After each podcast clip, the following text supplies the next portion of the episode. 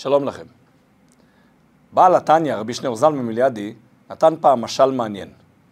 על זקן וזקנה שחיו בתחתית ההר. הם בנו להם בקתה מאוד פשוטה בתחתית ההר, ושם הם חיו. הגיעה עונת הגשמים, והגשמים הרבים יצרו סחף של בוץ אל הבקתה, והבקתה התמלאה בבוץ. וככה עונה אחרי עונה אחרי עונה, כל הזמן הבקתה מתמלאת בבוץ, עד שהם אמרו לעצמם, זאת לא צורה, לא צורה של חיים. פירקו את הבקתה, לקחו את כל העצים, ובנו, שוב, בקתה חדשה, הפעם באמצע ההר.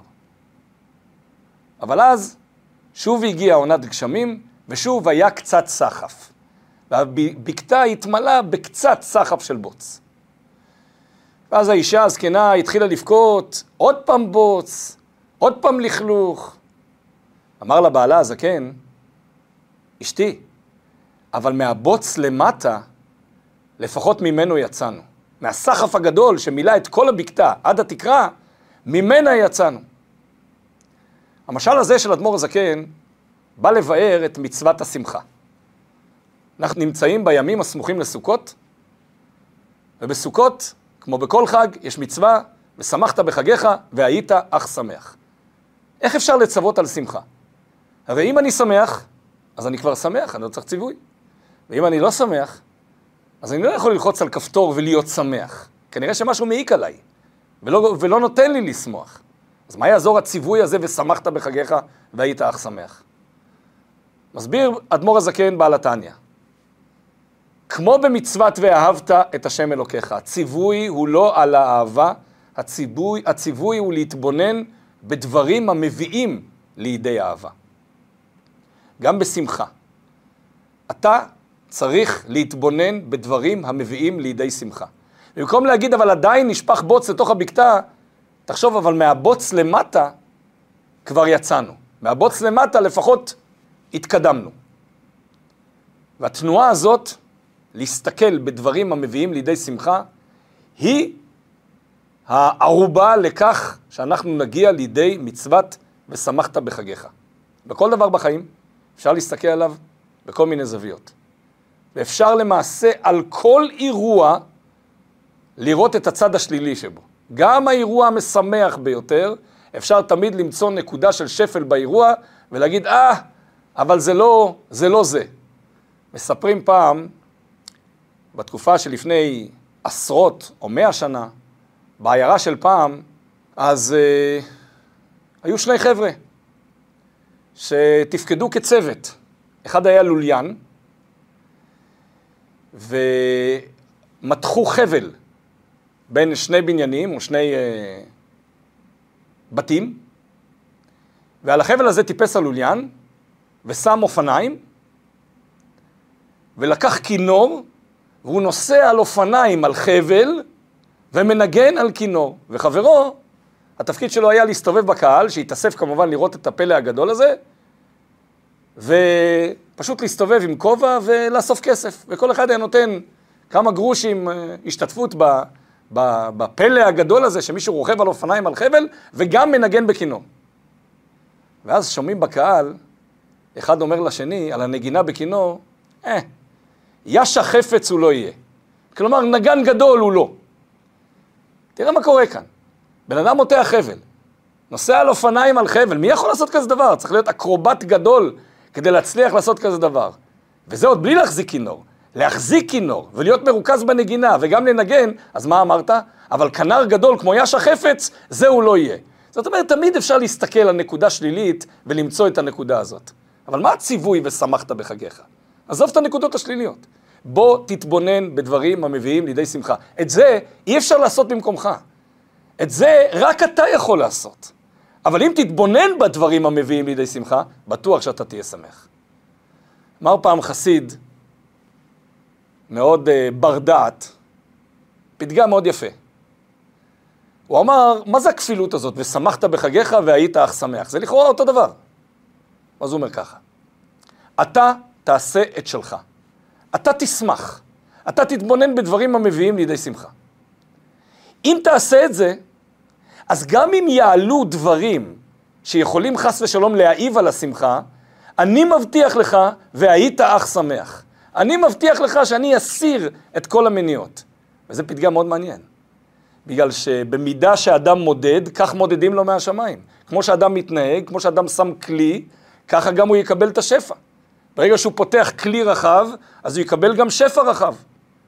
ושמחת בחגיך, נגד כל הסיכויים, נגד כל החשיבה, נגד כל מה שקורה מסביב.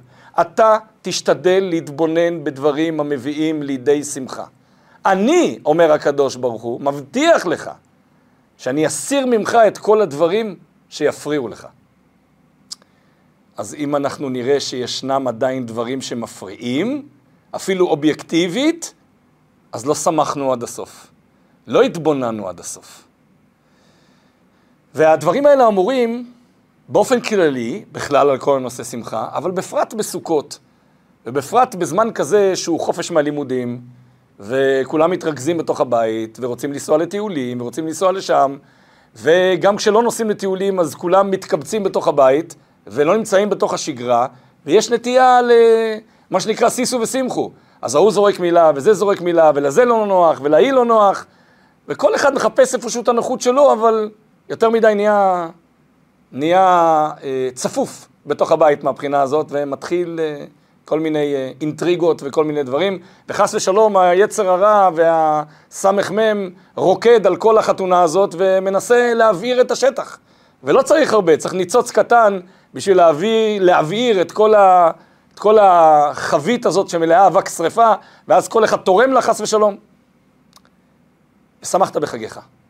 לכל אחד, ולראשי המשפחה בפרט.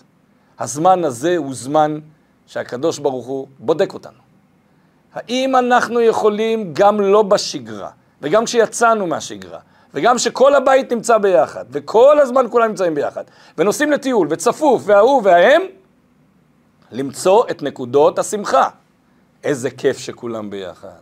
איזה כיף שפעם ב- אנחנו יכולים להתאחד ולנסוע לאיזה מקום. חסדי השם, תודה לקדוש ברוך הוא שזיכה אותנו, שמאפשר לנו את זה כלכלית, מאפשר לנו את זה חברתית. ברוך השם שכולם בריאים, ברוך השם שכולם יכולים להסתכל בנקודות האלה, ולהתעקש להסתכל בנקודות האלה. אז ביום רגיל, שמחה זה ציווי כללי, אבל בחג, זה מהות החג. מהות החג זה לשמוח.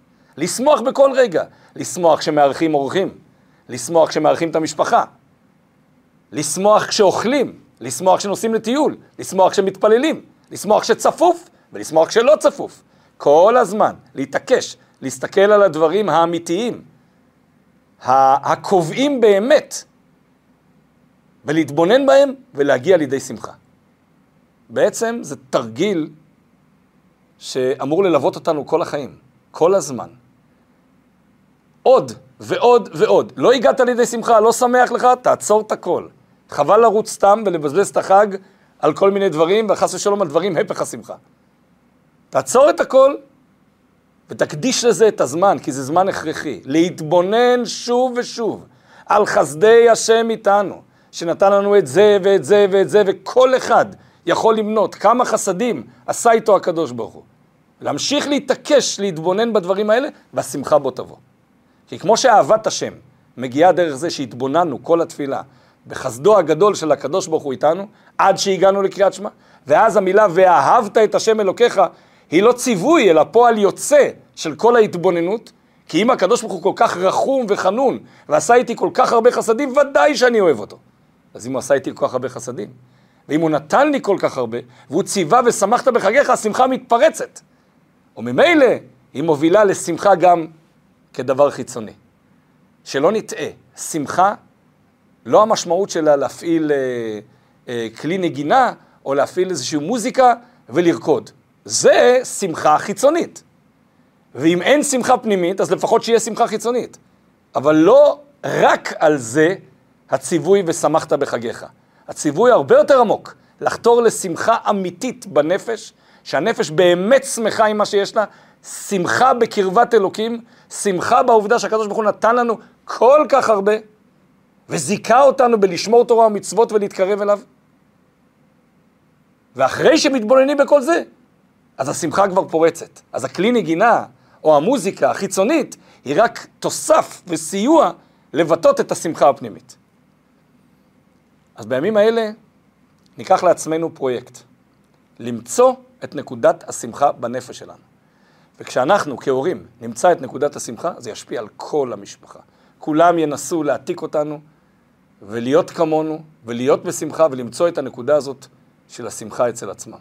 אז נאחל לכולם באמת שיהיה ושמחת בחגיך, באמת והיית אך שמח, רק שמח, שהקדוש ברוך הוא יסיר מעלינו את כל הדברים שלא קשורים חס ושלום לשמחה, ונוכל לראות באמת את נקודות השמחה האמיתיות שהקדוש ברוך הוא נתן לנו, והשמחה תפרוץ מתוכנו, בעזרת השם נזכה לשמחה הגדולה בביאת משיח צדקנו בקרוב ממש. שיהיה לכולנו חג שמח.